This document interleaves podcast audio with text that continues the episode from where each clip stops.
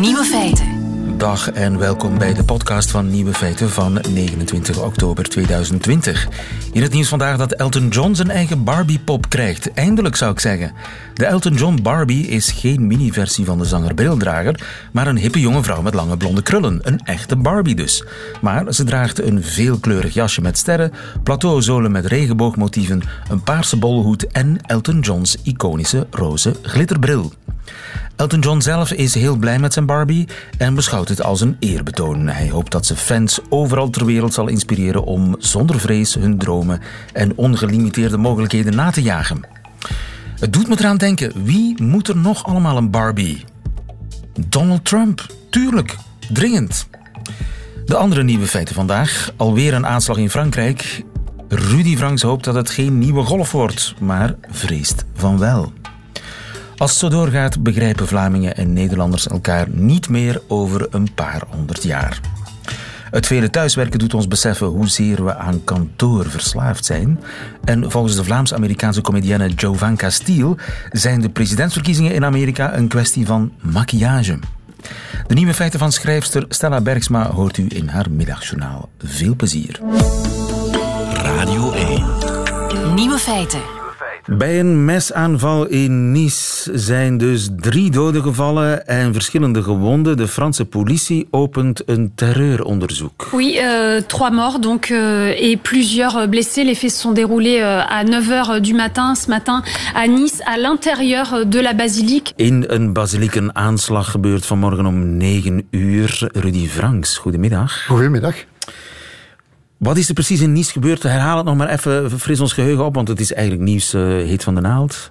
Ja, in, uh, om, rond 9 uur vanochtend. Een uh, man binnengekomen in een, de basiliek heeft um, drie mensen gedood. Een aantal gewond. Eentje, een vrouw, proberen te onthoofden. Hij zou Allah Akbar geroepen hebben, maar het is nog niet duidelijk wat er exact is. Ja, men onderzoekt het. Men beschouwt het als een terreurdaad, ja. dat sowieso. De politie heeft hem al neergeschoten, hij is zwaar gewond. Dus we gaan daar uh, vroeg of laat wel meer... Maar we kennen zijn profiel nog niet. Dat nee. is... Maar iedereen denkt aan terreur natuurlijk. Ja, uiteraard. Maar het blijft interessant om te weten welk soort, hoe oud hij is, welk soort van waar hij afkomstig is. Is hij van, van eigen bodem, van eigen kweek, zeg maar? Of is hij binnengekomen zoals een van die andere aanslagen die de voorbije maand gebeurd zijn. Want het is toch wel opmerkelijk dat er nu in redelijk korte, ter, op redelijk korte termijn een stuk of drie, vier gebeurd zijn. Ja, en komen er nog? Vraagt wel, de mensen zich af. Wel, op dit eigenste ogenblik, een paar minuten geleden, kwam het, kwam het nieuws binnen dat er in Avignon ook iemand neergeschoten is door de politie die de omstanders bedreigd heeft met een wapen. We weten er nog niet meer van. Maar ook dat, wijst toch wel, ja, dus een beetje toch. Ja, ik heb een déjà vu, zullen we maar zeggen. Van, déjà vu van ja, een jaar of vijf geleden. Ja, geleden. 2015, 2016. En, en er zijn een aantal gelijkenissen te trekken. Het is natuurlijk op veel kleinere schaal, hoe erg ook, maar het is nog gelukkig op veel kleinere schaal dan toen met de Mohammed-cartoons en de inval bij Charlie Hebdo. En je hebt toen een golf gekregen die zo wat anderhalf à twee jaar geduurd heeft, waarbij grote aanslagen gebeurd zijn. Gelukkig zijn dit kleine, niet georganiseerde aanslagen. Hè, wat anders is, want toen was echt de Bataclan, denk maar in Parijs, ja, dat was een, een massa gebeuren. Hè. Ja, natuurlijk. Als, als je zo'n ketting uh, aanslagen krijgt, vraag je je natuurlijk af of daar een organisatie achter zit, een campagne achter zit. Wel, het grote verschil met toen had je de, het IS-kalifaat, het zogenaamde kalifaat, dat zijn basis in Mosul en Raqqa had, in Syrië en Irak, um, waaruit een hele organisatie vertrok. Maar ook toen, na verloop van tijd, merkte je dat het de zogenaamde lone wolves, die eenzame figuren, ger geradicaliseerd en geronseld via het internet. Wat men nu zegt, is uh, dat er een IS-kalifaat virtueel nog bestaat, online.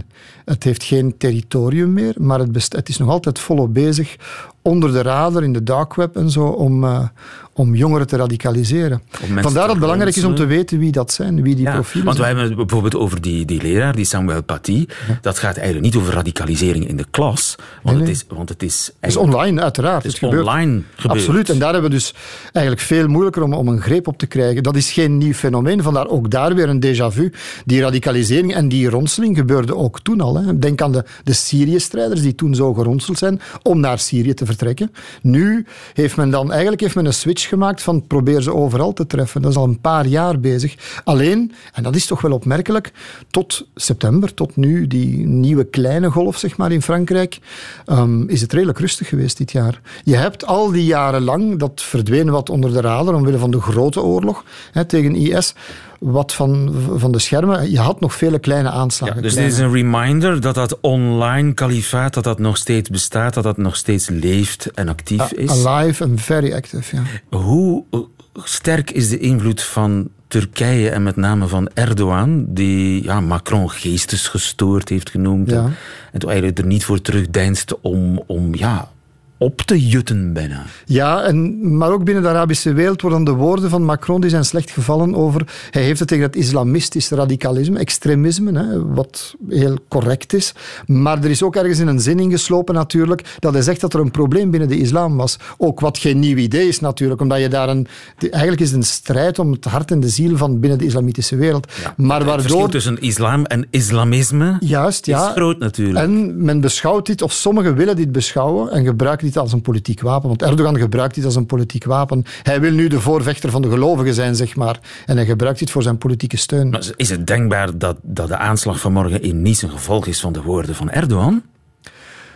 Je moet natuurlijk vandaar kunnen in het hoofd kruipen van, van die mensen. Wat er ook nog meespeelt, en dat staat dan een beetje los van Erdogan. Ik heb net opgezocht dat um, vandaag en gisteren wordt in een deel van de moslimwereld de verjaardag, de geboortedatum van, voor zover ze dat kunnen terugtraceren, van Mohammed gevierd.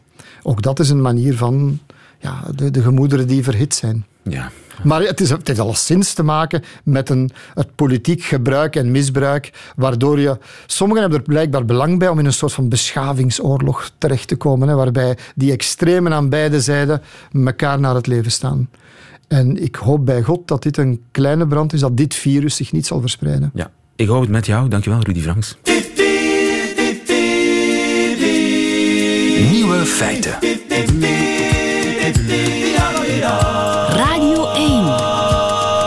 En zo is het uh, ook maar weer. Uh, elk nadeel heeft zijn voordeel. Wie zei dat ook alweer? Was dat Kruif? Ja, hè? Johan Cruijff. Elk nadeel heeft zijn voordeel. Het vele thuiswerken heeft u toch maar mooi verlost van al die kantoorergernissen. Ik zeg maar wat, de stinkende rijstkoeken van collega's, hun kappensoep, walm. Of erger nog, de ax-deo. Hoewel we die zelfs beginnen te missen, schrijft Japke Bauma in haar nieuwe boek. Dag Japke, goedemiddag. Ja, goedemiddag, hoi. Je bent kantoorcolumnist van eh, NRC in Nederland. En je hebt net een uh, nieuwe bundel columns uit onder de titel Hoe vind je zelf dat het gaat? Ja, klopt helemaal. Dat is toch een zin die recht uit een evaluatiegesprek komt, hè? Hoe vind je zelf dat het gaat? Klopt. Ja, dat is een functioneringsgesprek en uh, als je een slechte manager hebt, dan is inderdaad de eerste vraag: hoe vind je zelf dat het gaat? En dan ook een beetje zo spottend uitgesproken of spottend. Een uh, beetje uh, sarcastisch. echt zo'n vraag waar je helemaal niks mee kan. En wat is de echte betekenis van die zin? Hoe vind je zelf dat het gaat? Uh, nou ja, ik, ik heb hem gekozen als uh, titel van mijn boek, omdat je hem natuurlijk ook heel liefdevol en belangstellend kunt stellen. Hè? Dus hoe, hoe vind je zelf nou dat het gaat? En uh, kan ik je ergens mee helpen? Heel vaak, als je het echt vriendelijk bedoelt, komt er natuurlijk een, een, een vervolgvraag op. Um, maar ja, uh, ik heb hem ook gekozen omdat uh, iedereen deze vraag kent. En, en die dus uh, eigenlijk ook symbool staat voor heel veel kantoorergernis en werkergernissen. Dus ja, want, vandaar dat ik hem gekozen heb. De zin betekent eigenlijk, je bent heel slecht bezig, man.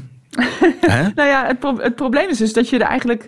Uh, uh, ja, je kunt, hem, je kunt hem op twee manieren uitleggen. Als je zegt het gaat prima, uh, dan krijg je natuurlijk een aantekening in je dossier dat je te weinig zelfreflectie hebt. Ja. En als je zegt ja, het gaat eigenlijk niet zo heel goed, ja, dan krijg je natuurlijk in je dossier een minpuntje van nou, ja. het gaat niet zo goed. De, het, is, dus, het is een echte fuik waar je in zwemt. Ja. Je, kunt, je, kunt geen, ja, je kunt geen kant meer op als de manager zo het evaluatiegesprek begint. Nou het is en, echt... en daarom staat hij natuurlijk ook symbool voor je kunt geen kant op. En dat is natuurlijk uh, ook een onderdeel van werken en, en kantoor. Uh, eigenlijk kun je geen kant op. En soms is dat heel fijn, maar soms ook niet. Ja, en heel erg typisch voor de laatste jaren, eh, het kantoorjargon. Dat verandert alsmaar sneller, hè? Nou ja, of het nou sneller verandert, uh, dat weet ik niet. Maar ik weet wel dat het voortdurend verandert. Ja, want ik ben er eigenlijk al sinds uh, 2000, nou wat zal het zijn, 15, 16. Uh, ik, ik heb natuurlijk ook twee boeken uitgebracht die helemaal over kantoorjargon gaan. Ga lekker zelf in je kracht staan, is daar de, de, ja. beroemdste van. Je, in je kracht en, staan, maar wat betekent ja. in je kracht staan? nou, in je kracht staan betekent eigenlijk dat je doet waar je goed in bent. En ook op de manier. Zeg dat dan? die bij, die bij jou past. Ja, maar lieve luister, uh, ik roep de hele dag al, zeg het nou gewoon, zeg nou gewoon wat het is. Dat is voor iedereen duidelijker. Ja, uitrollen. En, en, ja. Uitrollen. Uitrollen, uitrollen van concepten. Uh, zo heet overigens mijn andere boek. Uitrollen is het nieuwe doorpakken. Uitrollen maar, maar is het nieuwe me... doorpakken. ja, precies.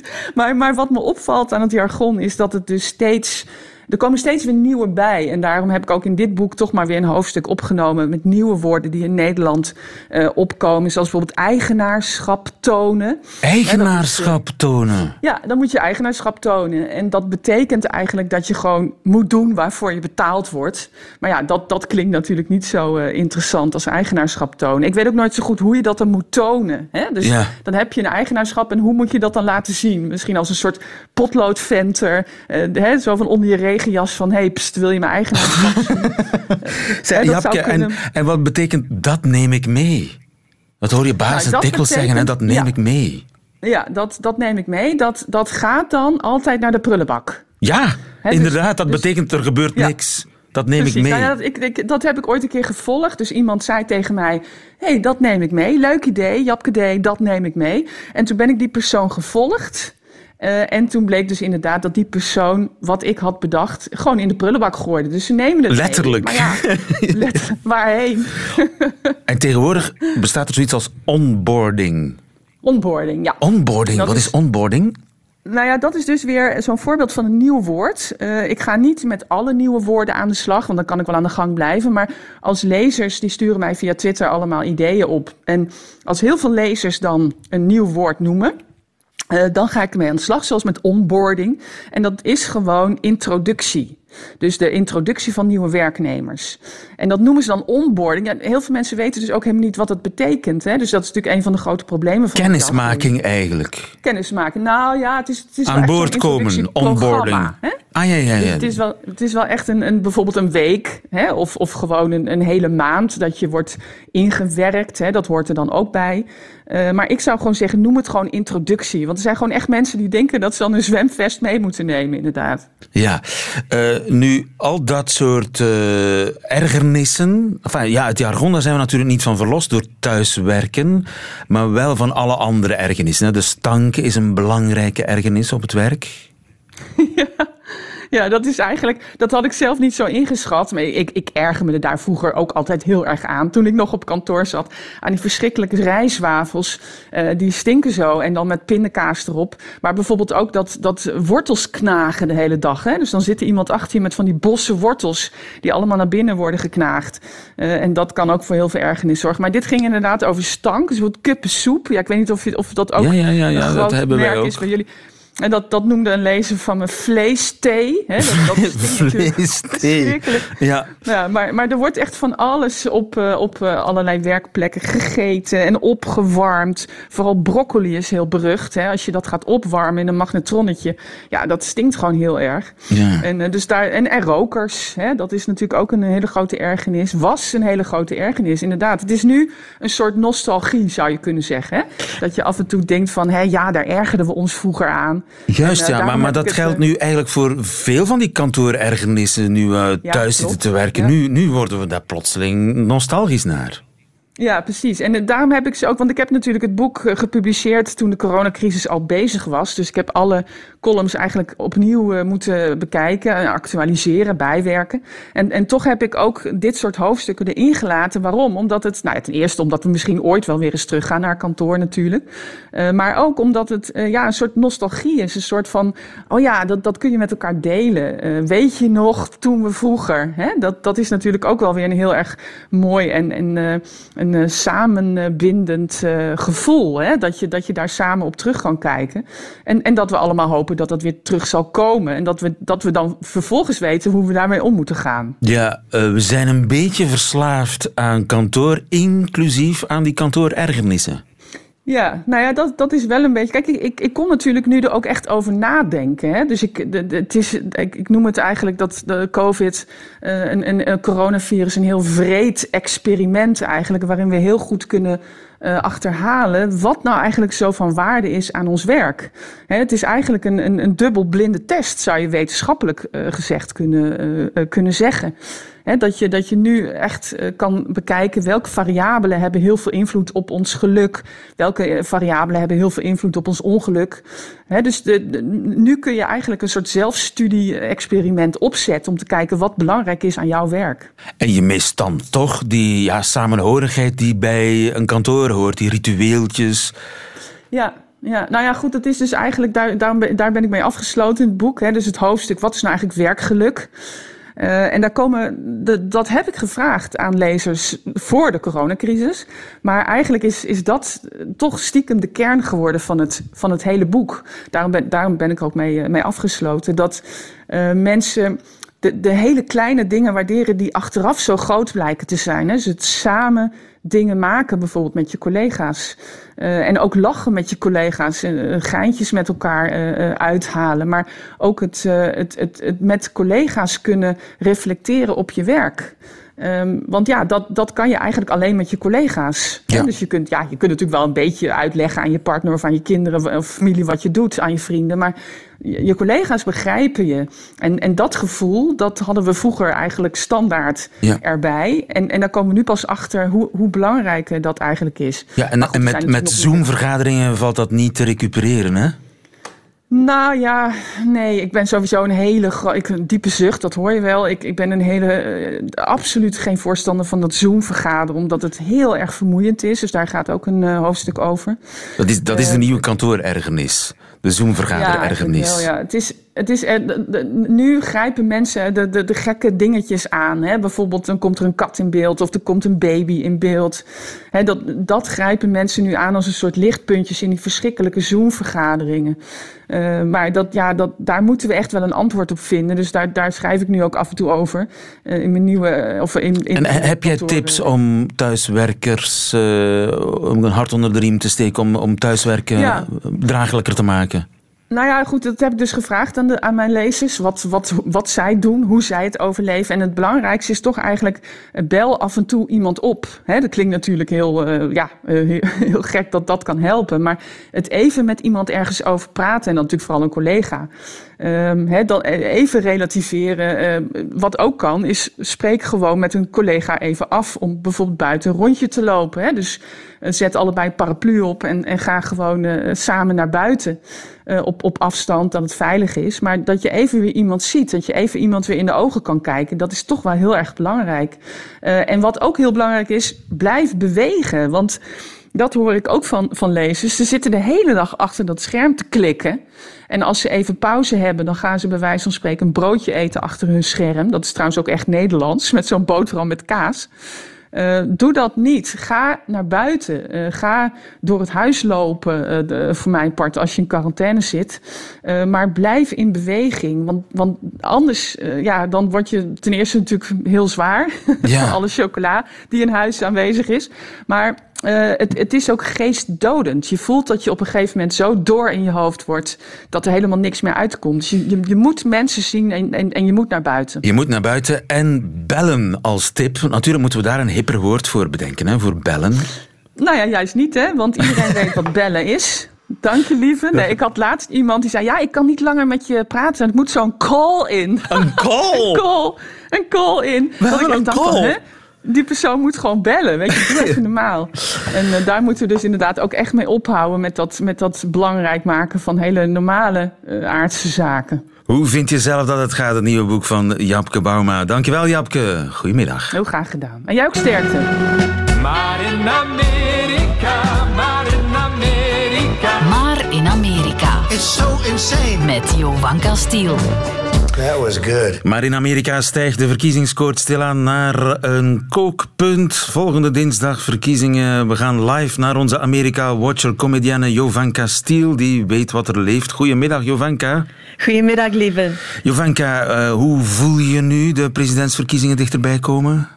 Jaloers, leven. Jaloers? Ben, ja, ik ben kei jaloers op Donald Trump. Jaloers op Donald Trump, dat moet je toch wel eventjes uitleggen. Oké, okay. Donald Trump heeft, en dit komt uit een zeer betrouwbare bron, namelijk Donald Trump zelf. Donald Trump heeft de sterkste genen van Amerika. En zijn zoon Barron is nog sterker. Uh, luister wat zijn dokter zei toen Barron COVID-19 had. What's the story, doc, with Barron? Sir, he tested positive. Like 15 minutes later, how's Barron doing? Sir, it's gone. Wow. ja. Barron Trump is een 14-jarige jongen van bijna 2 meter en hij overwint corona in 15 minuten. Wauw.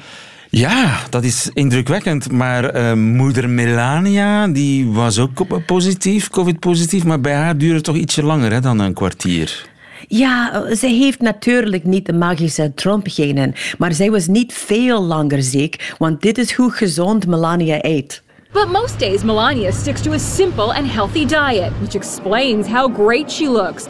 She tries to eat seven, yes, seven pieces of fresh fruit each day. Zeven stukken fruit. Ja, zeven stukken fruit, dat is bijna acht stukken fruit meer dan de gemiddelde Amerikaan. maar Trump zelf zag er toch niet bepaald fris uit hè, toen hij uh, in het ziekenhuis lag met COVID-19? Dat is juist, lieve, maar ik denk dat je het Hollywood-gehalte van de Amerikaanse politiek weer totaal onderschat. Het Hollywood-gehalte, hoezo? Trump zag er inderdaad bleek en ziek uit, maar op diezelfde dag stierf toevallig mevrouw Lillian Brown. Lillian Brown. Who grew up on a farm in Ohio and began her career as a teacher in a one room schoolhouse, served as make-up artist and occasional confidant to United States presidents. Wacht even, nu zeg je dat de visagiste van de president die dag was gestorven en dat hij dus daarom er zo slecht uitzag. Inderdaad. Of dacht je dat de president zelf zijn make-up doet? Ik denk dat Melania hem misschien kon helpen, maar die was denk ik te druk bezig met al haar fruit te schillen of zoiets. En het zit hem dus allemaal in de maquillage. Het is een verkiezing die draait rond maquillage. ja. Is er iemand die gelooft dat John F. Kennedy president zou zijn geworden zonder de make-up tips van Marilyn Monroe? En sindsdien zijn alle presidenten geobsedeerd met hun uiterlijk.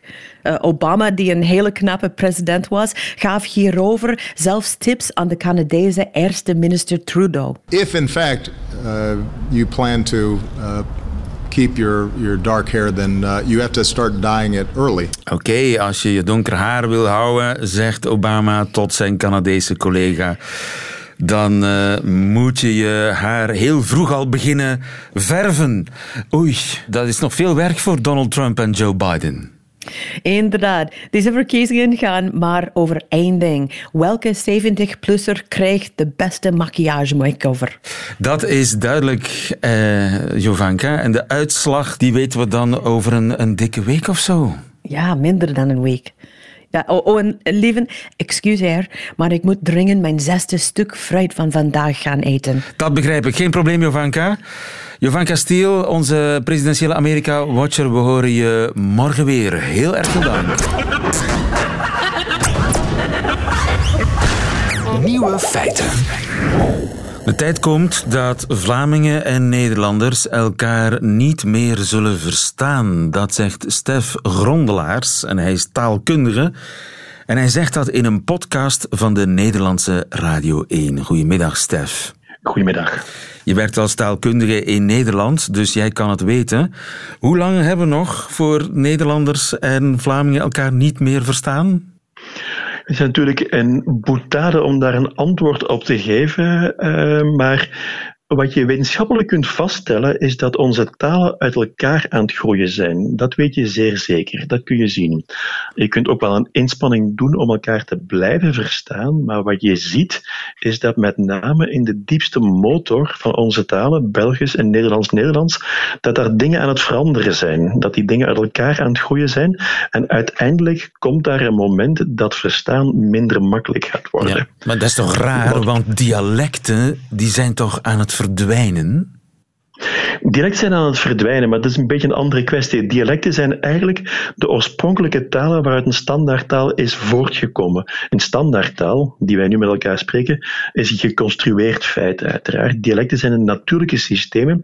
Die zijn inderdaad aan het verdwijnen. Um, maar wat je ziet is dat op het hogere niveau van standaardtaal dat je heel veel evolutie hebt. En dat is een beetje gek, want standaardtalen horen eigenlijk uniform en invariant te zijn, maar dat is uiteraard niet zo. Ja, ja, dus de dialecten verdwijnen of gaan achteruit, maar het regionale accent rukt op.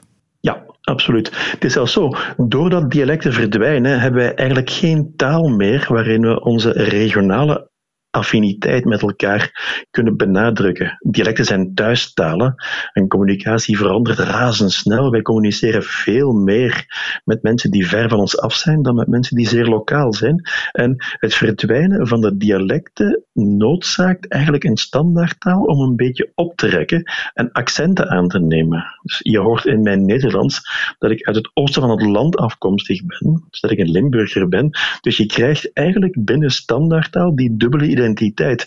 Ik ben Vlaming, Belgisch, Nederlands-talige Belg, maar ik ben ook Limburger tegelijkertijd, ja. Ja, en regionale accenten mogen meer en meer, ook op de televisie, want ze maken je authentiek. Hè? Luister maar naar deze jongen, Jeroen Meus. Normaal is dat gehakt al gekruid hè, door de slager. En om een beetje veerkracht te krijgen in uw balken, mag daar wat chapelure bij.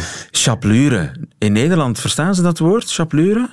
Nee, absoluut niet. Uh, ik moet uitleggen wat het is. Ze vinden het wel een prachtig woord, uiteraard. Er zijn twee aspecten aan. Jeroen heeft uiteraard een accent van het Leuvense, waar je vandaan komt. Dat hoor je heel goed. Maar chapelure als zodanig heeft weinig met accent te maken. Dat is een andere lexicale keuze, dat is een andere woordkeuze. Een ander woord. Maar het is ja, het is, het is uiteraard een stuk authentieker uh, als hij in zijn eigen taal spreekt. Kijk, de taal die jij spreekt, momenteel met mij, is vrijwel accentloos Nederlands. En dat hoor je min of meer ook te doen op de radio vanuit jouw functie. Vlamingen verwachten dat. Maar als Jeroen in zijn keuken staat te koken, is het logisch dat hij wat authentiek klinkt voor de kijker, inderdaad. Ja, ja en uh, zo zijn er in Nederland ook hele sterke, dat in Vlaanderen beseffen we dat weinig heel sterke regionale accenten. Deze man bijvoorbeeld. Voetbal is natuurlijk veranderd. Er wordt om andere belangen gevoetbald nou. En ik moet zeggen, ik vind het niet in zijn voordeel veranderd. Eerlijk gezegd. Kijk, ja, dat oude stadion pleurde natuurlijk verrottigheid in elkaar. Dus uh, dat het oude stadion pleurde van rottigheid in elkaar. Welk accent is dit? Dat ze dat oude kasteel hebben laten staan. Uh, dit lijkt mij een randstedelijk stadsaccent. Uh, het is Jules, de Jules, Deelder die we ja. hoorden, die prat ging op zijn uh, Rotterdamse accent. Ja. Maakt een accent stoer? Uh, een aantal accenten maken stoer, absoluut. Kijk, als je uit de Rotterdamse Randstad komt, als je uit de Rotterdamse buitenwijk komt, en je gaat die taal of dat accent een beetje benadrukken in je Nederlands, dan is dat stoer. Rotterdam is een bijzondere stad. Uit Rotterdam is het historische hart weggebombardeerd. Rotterdam staat zich heel erg op een bepaald soort van modernisme voor. Um, dus als je die specifieke tongval benadrukt, dan kom je inderdaad makkelijker als stoer en modern en jong over. Dus een Rotterdams accent is stoer. En het rare is dat er de laatste jaren accenten ontstaan zijn. zo is er die, die eh, vlogger, hij komt geloof ik uh, vanuit de Belgische kust, ik denk Blankenbergen. Hij is heel populair bij de jongeren, ook in Nederland. En die heeft een beetje zijn eigen accent gecreëerd. Er is of het allerdomste idee dat ik ooit heb gehad, of het allerdomste fucking idee dat ik ooit heb gehad. Daarom we het doen. Ik wil dat al super lang doen. En ik ben nu gewoon op een moment gekomen dat ik denk van, oké, ik heb al zoveel shit opgefokt, dit kan er wel nog bij. Blankenberg heeft een nieuw station gekregen en bij dat nieuwe station zit Blankenbergen, inderdaad. Hoe zou je dit accent omschrijven? Ook hier ga ik ruzie mee krijgen, maar goed. Ehm, ik omschrijf dit accent als het accent van een kustbewoner die zo hard mogelijk probeert te accommoderen aan een soort van standaard Nederlands en die daar maar ten dele in slaagt. Je hoort bijvoorbeeld zijn ei-klank, die probeert hij heel zuiver uit te spreken, maar zijn GH-wissel, ja. daar slaagt hij niet in die weg te duwen. Dus je krijgt iets wat zeer persoonlijk is, maar ik neem aan dat eerder dan zijn bedoeling authentiek te klinken, dat zijn bedoeling is neutraal algemeen te klinken zoals jij klinkt. Ja, maar hij, uh, hij is heel populair, wordt op uh, meerdere speelplaatsen, wordt Acid, want die jongen heet Acid, geloof ik. Uh, Acid die heeft zijn eigen accent gecreëerd en navolging gevonden. Dus op die manier leven accenten natuurlijk ook. Hè. Jongeren spreken hun eigen taal, dat, dat wordt doorspekt met allerlei Amerikaans slang. En ja, op die manier gaan we elkaar minder en minder verstaan. Hè? Dat, zo, zo werken die dingen. Zo werken die dingen inderdaad. Kijk, je had vroeger, uh, in de tijd voor het internet, was wat men noemt top-down planning. Het feit dat bijvoorbeeld uh, de onderwijsoverheid of gelijk welke overheid kon bepalen hoe er gesproken werd, was dat veel belangrijker. Wat je momenteel ziet, is dat je allerlei normcentra hebt. Die meneer die je net toonde, die is zijn, die zijn eigen normcentrum uiteraard. Ja. Die is jong, die is authentiek, die is stoer, die is streetwise. Die gaat dus zelf bepalen hoe hij eruit. Die houdt dus geen rekening mee met een bepaald soort centraal gezag. Het centrale gezag. Vroeger veel meer en, geval en vroeger, en in Vlaanderen nog steeds, is het journaal. Hè? Maar in Nederland wordt zelfs dat journaal wat... Da daar mag een accent ook al eens ingehoord worden. Hè? Zelfs de presentator Absoluut. van het nieuws mag tegenwoordig een licht accent hebben. In Keulen is later vanmiddag crisisberaad over de gebeurtenissen in de nieuwjaarsnacht. Toen zijn tientallen vrouwen aangerand en beroofd. De politie spreekt van een volledig nieuwe dimensie van geweld. Ja, ze doet het fantastisch. Uh, Noralie Ja. Beijer. Bij ons uh, is de presentator van het journaal. Daarvan wordt verwacht dat hij accentloos Nederlands praat. Maar bijvoorbeeld Ruben van Gucht in de sporttalkshows, die praat zo. Hij heeft wel een werkpuntje nog, Primoz Roglic. Ik weet niet of jullie het gezien hebben. Het is een goede coureur, het is een fijne vent. Maar uh, qua kleurencombinaties is het nog geen Kleurencombinatie. Ik kan het accent moeilijk thuisbrengen. Een beetje Brabants. Ja, het lijkt mij zo uh, naar een Mechelen toe te gaan. Uh, ik kan mij vergissen. Ik bedoel, mensen nemen heel makkelijk accenten over, inderdaad. Um, met dit accent zou je niet het journaal mogen voorlezen, neem ik aan. Het zou mij verwonderen. Maar dus de trend in Nederland is om zelfs het journaal, om zelfs daar het uh, accentloze los te laten. Zal dat in Vlaanderen ook gebeuren? Uh, nee, niet voorlopig. In Vlaanderen heb je uh, een soort van hele strenge standaardtaal-ideologie. Uh, Vlaanderen heeft een hele moeilijke standaardtaalsituatie gekend, omdat wij die grotendeels uit Nederland overgenomen hebben tussen de oorlogen. Alleen die overname ging vooral gepaard met heel veel krampachtigheid over hoe zuiver een taal moet zijn. Nu, het is die krampachtigheid die ervoor zorgt dat er in Vlaanderen op dit vlak vrijwel niks kan. Ehm, en dat gaat nog een aantal decennia duren, denk ik. Dat gaat nog een Ehm, aantal decennia duren. Uh, het feit dat we toch uit elkaar uh, groeien, door het feit dat die accenten uh, mogelijk meer mogen en, en zelfs aangemoedigd worden, uh, is dat een evolutie die te stoppen is of die we moeten stoppen? Stel dat we die zouden kunnen stoppen. Nee, het is net zoals klimaatverandering. Je kunt dat wel proberen, maar dat gaat je niet lukken. Um, je, moet ook het volgende bekijken. Een standaardtaal is als zodanig iets wat een gemeenschap afdekt, wat een maatschappij afdekt. Naarmate een maatschappij diverser wordt, is het logisch dat een standaardtaal op een bepaalde manier ook diverser wordt. Waarom zou je dat willen afstoppen? Het feit alleen al dat wij ons de vraag stellen, geeft aan eigenlijk hoe sterk die standaardtaal-ideologie van een zuivere en uniforme taal heerst hier. Stef Grondelaars, dankjewel. En uh, je podcast is te beluisteren via de platformen van de Nederlandse Radio 1. Dankjewel, Stef. Goedemiddag. Dankjewel. Dat waren ze, de nieuwe feiten van vandaag, 29 oktober 2020. Alleen nog die van schrijfster Stella Bergsma krijgt u in haar middagjournaal. Nieuwe feiten. Middagjournaal. Ja, liefste mensen, daar ben ik weer. Stella B, Stella B, God Stella, Stella de Bergswaar, Adolf Klittler. Uw hoop in barre tijden, uw feministisch vizier. Maar vandaag moeten de vrouwtjes het even zonder me stellen, want ik heb belangrijkere zaken om me druk over te maken. Ik neem hiervoor vast even een voorschot op de toekomst, want ik geef het nog een weekje of vier en dan gaat het weer beginnen hoor. Het jaarlijkse jaarschamen. Ik zie er nu al tegenop. Zo richting oud en nieuw zullen de opmerkingen over 2020 niet mals zijn. God dank dat dit klote jaar voorbij is, zullen de mensen zeggen. 2020, ga naar huis, hup 2021.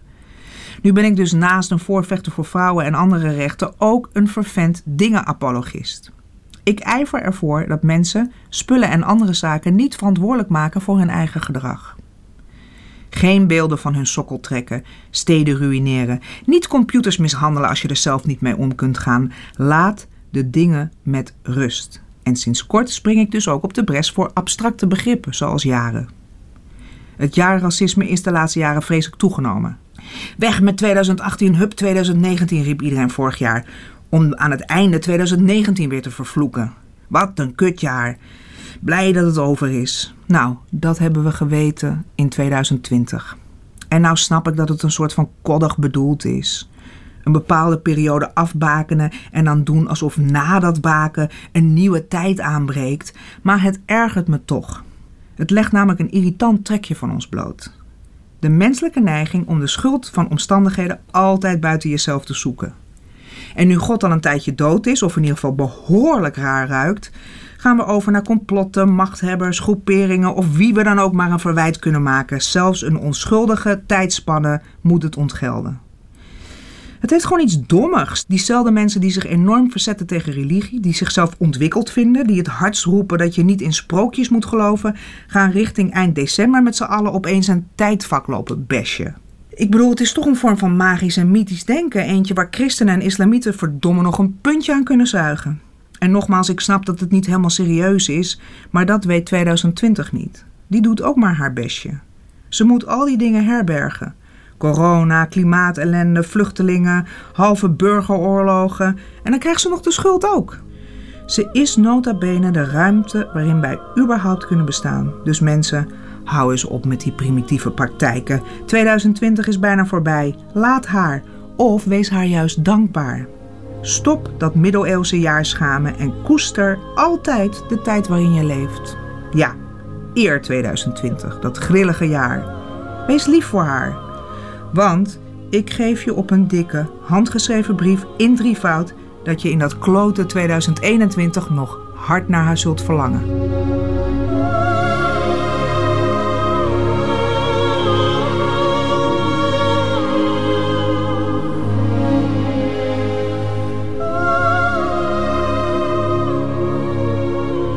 Middagjournaal met Stella Bergsma. Einde van deze podcast. Hoort u liever de volledige uitzending van Nieuwe Feiten, dat wil zeggen met een muziek erbij. Dat kan natuurlijk ook via de website van Radio 1 of via de Radio 1 app. Daar vindt u overigens nog veel meer fijne podcasts. Tot een volgende keer.